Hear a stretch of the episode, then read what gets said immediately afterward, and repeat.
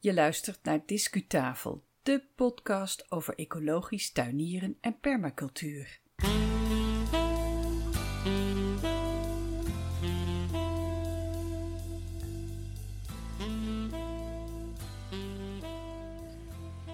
Welkom bij de Discutafel podcast. Fijn dat je weer luistert. Mijn naam is Yvonne Smit en vandaag is het 22 november 2018. Dit is podcast aflevering 25, een heel speciale editie, want die is helemaal gewijd aan de studiedag permacultuur die Veld organiseerde op 10 november. Die studiedag die vond plaats in Brussel en ik was niet in de gelegenheid om er naartoe te gaan. Daarom ben ik heel blij met de afspraken die we als discutafel hebben kunnen maken met Veld zelf. Hun medewerkster Barbara Kremers is bij deze jullie verslaggever van dienst. Zij maakte de opnamen en ik deed de eindmontage. We hebben bovendien afgesproken elkaar in deze editie een PR-zetje in de rug te geven. En waarom is dat? Nou, Veld is een Vlaamse vereniging die draait rond een ecologische levensstijl.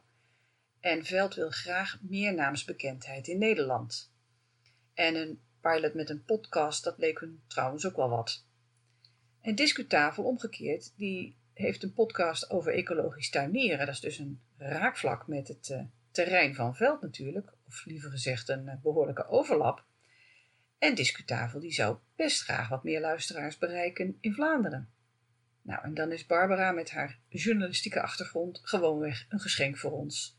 En daarom hebben we beide onze kennis en onze tijd gestoken in deze aflevering.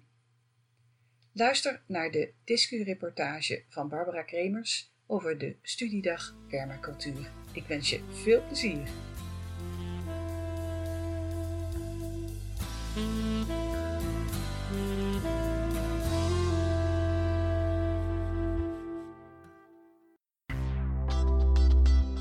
Discu-reportage. Hallo, ik ben Barbara, jullie vliegende reporter van dienst. Barbara van Veld. En Veld is de Vereniging voor Ecologisch Leven en Tuinieren.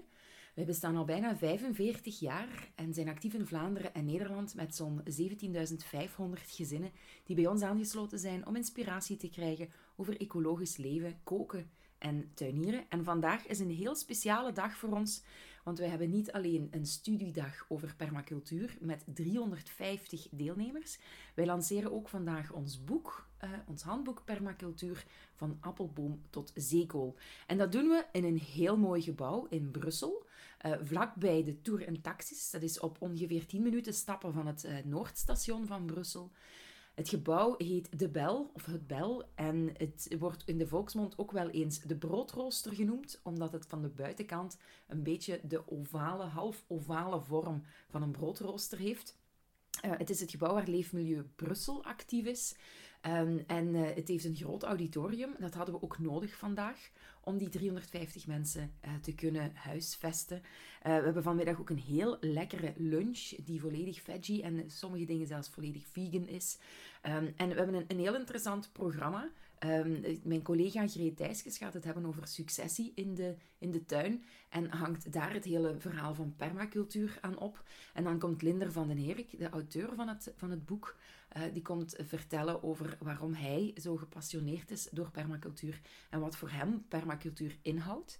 En dan gaan we echt de praktijk in. We gaan een aantal praktijkvoorbeelden zien um, van mensen die al jaren bezig zijn met permacultuur en, uh, en daarover komen vertellen. Dus het belooft een heel interessante dag te worden. Uh, ik neem jullie mee door die dag. Ik ga een aantal sprekers voor jullie interviewen uh, en hoop dat jullie op die manier mee kunnen proeven van de studiedag permacultuur. Ga je mee?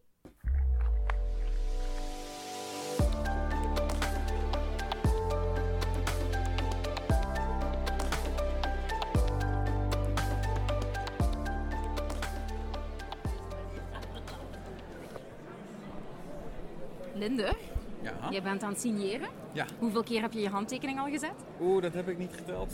Ik heb wel kramp al. Kramp al? Wat is de raarste vraag die je gekregen hebt? Dat het... ah. Goh ja, er zijn er verschillende geweest. De raarste vond ik toch wel dat ehm, een man die had erg moeite mee dat wij eh, iedereen maar aanraden om ehm, bomen te planten. Ah ja, in een Ja. voedselbos. Ja, Ja, ja, oké. ja, dat vond ik de raarste. Ja. En heb je daar ook een eh, kort antwoord op kunnen geven? Nee, daar stond ik zelf even met mijn monden vol tanden bij. Ja. ja. Oké. Eh, vond je het leuk, het signeren? Want je bent zo niet iemand die graag in de picture staat. Nee, helemaal niet. Ik word er een beetje eh, zenuwachtig van. Ik vind het vreemd. Vreemd. Ja, Ja. ja. Ik zet liever een boom in de picture of een plant in de picture dan mijzelf. Ja. Ja. Ben je trots op het boek? Ik ben heel erg blij met het boek. Ja. Ik hoop dat het een, eh, een hoop mensen verder gaat helpen. Ja. En de studiedag, wat vind je daar tot nu toe van? Het, het gegeven hier? Leuk. Ik vind het ook leuk om eindelijk eens andere lezing, lezers te zien. Eh, ik heb Bert nog nooit persoonlijk ontmoet. We zien elkaar natuurlijk op allerlei gebeurtenissen en, en via allerlei fora en magazines en zo. Dus ik heb altijd het idee van ja, die man die zit volgens mij redelijk op één lijn met mij. En dat is leuk om dat eh, toch een keer bevestigd te zien. Ja. Fijn, dankjewel. Kan je me heel even jouw naam zeggen? Nicolette. Nicolette, jij zit hier in een rustige ruimte even te lezen. Je bent je aan het verdiepen in het boek. Mag ik jouw eerste reactie horen? Ja, eh, sowieso vind ik de dag heel leerzaam, omdat je leert hoe het denken over eh, permacultuur ontstaan is. Maar ehm, ik heb nu dat boek te pakken dus. En ik vind het. Gelukkig staan daar ook praktische voorbeelden in. Dat eh, was tot nu toe, eh, miste ik dat een beetje. Ik vind het een heel leuk boek. Ja. Ja, ben je zelf al met permacultuur bezig? Nee, ik zou zeggen dat het er wel een beetje tegenaan leunt, maar eh, ik heb er nooit echt, echt in verdiept. Nee. En wat, is, wat neem je mee van deze voormiddag? Wat was jouw eye-opener? Voorlopig springt in het oog dat ik meer met schaduw moet gaan doen. Eh, ik heb toch een beetje te vlakke tuin, hè? allemaal zon. En met schaduw kan je veel meer soorten aanbrengen. Ja. Ja. Dus dat pak ik sowieso mee. En nog veel meer wat me niet te binnen schiet. Ik laat je verder lezen, dankjewel. Dankjewel. Nee, ik zou dan gewoon zeggen, hey Suze! Hallo. Je hebt ook al een meegeschreven aan een boek voor veld, eigenlijk een boek voor veld geschreven. Het onkruidboek en het plaagdierenboek. Ja. Wat vind je hiervan, van permacultuur? Nou, het is heel mooi in te passen in het, eh, in het totale plaatje natuurlijk. Eh, maar ook wel weer inspirerend, want het, eh, nou, ik zei net tegen Hanneke, ik heb dat een beetje van een zijlijn bekeken. Maar eh, ja, na het plaagdierboek is mij dat hele tuinweb nog duidelijker geworden. En eh, nou, dan is permacultuur natuurlijk de perfecte oplossing om dat allemaal in te passen.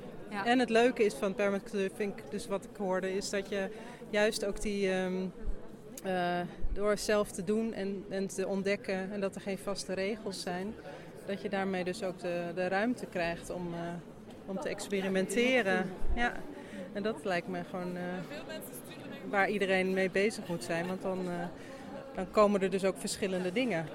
Dat je niet allemaal de, de planten voorschrijft die er in je tuin moeten staan, maar dat je dus zelf gaat kijken van hé, wat past er bij je tuin. En daar horen dan ook weer de beestjes bij inderdaad. Zie je het zitten een stukje van je tuin op deze, volgens deze principes Ja, ik zei net eh, dat ik inderdaad een stukje nieuw, een nieuw stukje, eh, of tenminste, ik ben, mijn kinderen zijn nu wat groter, dus de speelplek in de tuin, de schommel en de boomhut die eh, gaan eruit. En dan kan ik nu dus, dus ik ga daar een stukje moestuin aanleggen. En eerst wou ik dat met strakke bakken doen, maar nu heb ik al zoiets van, nou weet je, ik ga dat veel meer organischer laten. Ik ben echt geïnspireerd. Dankjewel. Alsjeblieft.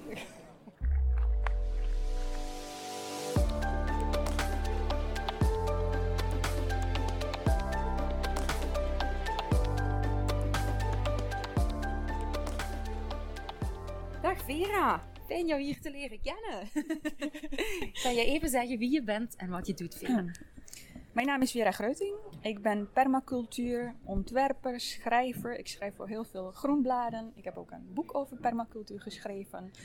Ehm, ja, dat is het. Ik geef Ja. ook cursussen op het gebied van permacultuur. Dus op verschillende manieren met permacultuur bezig. En wat brengt jou hier op de studiedag in Brussel? Ik ben uitgenodigd door Veld omdat, eh, eh, om hier ook een presentatie te geven tijdens deze dag. Omdat onze tuin als een van de voorbeelden van permacultuur in de praktijk in het boek van Veld is opgenomen. Mhm. Hoe ziet jouw tuin eruit? Onze huidige tuin ehm, is een tuin van 1000 vierkante meter. En er komen heel veel verschillende onderdelen eh, aan bod, zeg maar. We hebben een stuk moestuin met eenjarigen, waar ik met verschillende polyculturen experimenteer.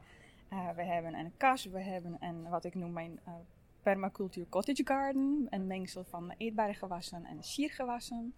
Uh, we hebben een stuk, nou, het grootste gedeelte eigenlijk van de tuin is ingericht als een eetbare bostuin of voedselbosje. Als jij iemand die nog nooit van permacultuur gehoord heeft, als jij die moet vertellen, wat is permacultuur? Hoe zou je dat dan doen? In één zin. Uh, permacultuur is een ontwerpmethode die zich laat inspireren door natuurlijke ecosystemen. Dus je probeert systemen te ontwerpen die even uh, weerbaar, even goed in elkaar zitten als, uh, als natuurlijke ecosystemen. Mm -hmm.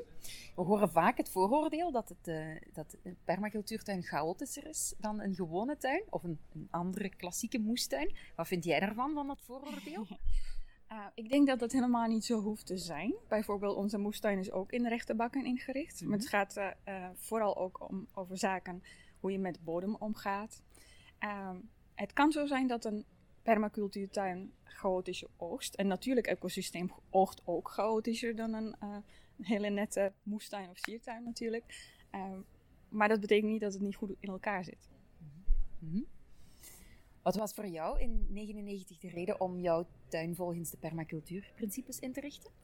Ik ben heel toevallig iemand tegengekomen in, in, tijdens een busreis naar Tsjechië, die in Australië de permacultuuropleiding heeft gedaan. En toen ze erover begon te vertellen, dan viel bij mij echt het kwartje meteen. Want ik dacht, ja, dat klinkt allemaal zo logisch dat je niet begrijpt dat niet iedereen dat zo doet. Dus dat, het voelde voor mij echt heel uh, ja, boerenverstand.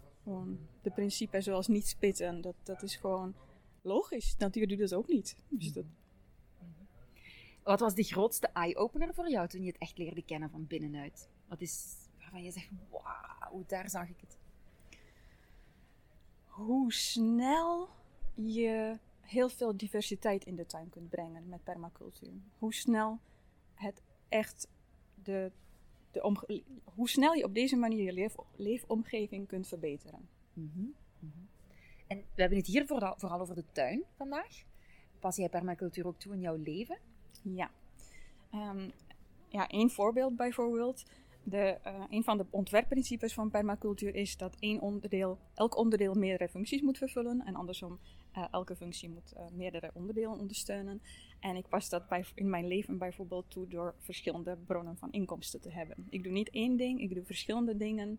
Um, en dat is ook een manier om een soort weerbaarheid in je leven in te bouwen. Dus je kan permacultuur gebruiken om je leven te ontwerpen, niet alleen maar je tuin. Wat is jouw lievelingsplant? ah, mijn lievelingskind. Nee, dat vind ik, uh, dat vind ik erg moeilijk. Um, ja, ik, ik denk dat misschien verrassend mijn lievelingsfruit is abrikoos. En dat is eigenlijk een plant die helemaal niet zo makkelijk is om bij ons te telen. Maar ook weer een mooi voorbeeld van permacultuur. Als je kijkt naar het ontwerp van onze tuin. Want om hem succesvol te kunnen telen, moeten we veel verschillende principes toepassen. Bijvoorbeeld, we hebben een abrikoos geplant in een uh, microklimaat wat we ervoor hebben gecreëerd, zodat het beschermd is uh, tegen late nachtvorst. Mm -hmm. We hebben een um, soort, een ras gekozen wat, uh, wat een natuurlijke resistentie heeft tegen ziektes. En ik heb er verschillende planten omheen geplant die de boom kunnen ondersteunen en gezond houden. Mooi. Hoe zie, jij, hoe zie jij de toekomst van permacultuur? Nou, het is heel mooi. Ik zei, ik ben er vanaf 1999 mee bezig. Dus als ik tien jaar, een lezing, tien jaar geleden een lezing gaf en je vroeg wie weet wat permacultuur is, dan heeft niemand erover gehoord. Als je nu vraagt, dan gaan er al heel veel handen omhoog.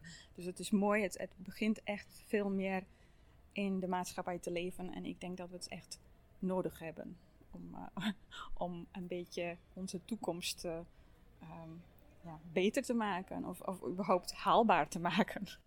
Ook in de klimaatverandering en, en de verslechtering van, onze milieu, van het ja. milieu, in die zin? Ja, en ook wat, wat hier uh, vanmorgen Linder zei. Het is een, een systeem wat, wat oplossingen biedt. Want we worden... Ja, het is heel deprimerend als je kijkt naar de stand van zaken op dit moment in de wereld. En permacultuur geeft je echt wel um, ja, gereedschap om, om mee aan de slag te gaan. Dus dat, uh, het is hoopgevend. Dat vind ik heel belangrijk. Mooi. Dankjewel.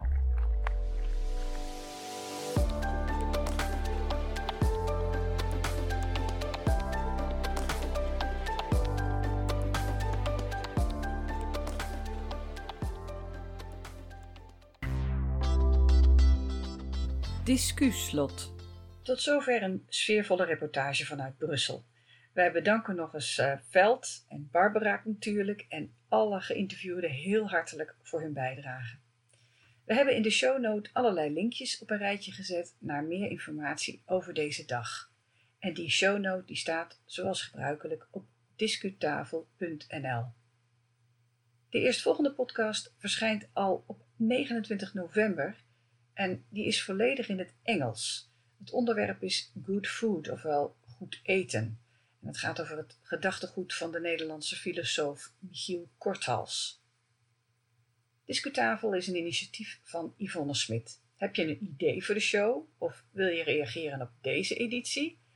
Nou, je kunt ons bereiken via de gebruikelijke social media en via e-mail. En het is ook helemaal leuk trouwens wanneer jij je kennissen attendeert op Discutafel. Waarvoor alvast onze dank. De eerstvolgende Nederlandse aflevering staat vanaf 6 december online. Ga intussen lekker naar buiten. Graag tot de volgende keer.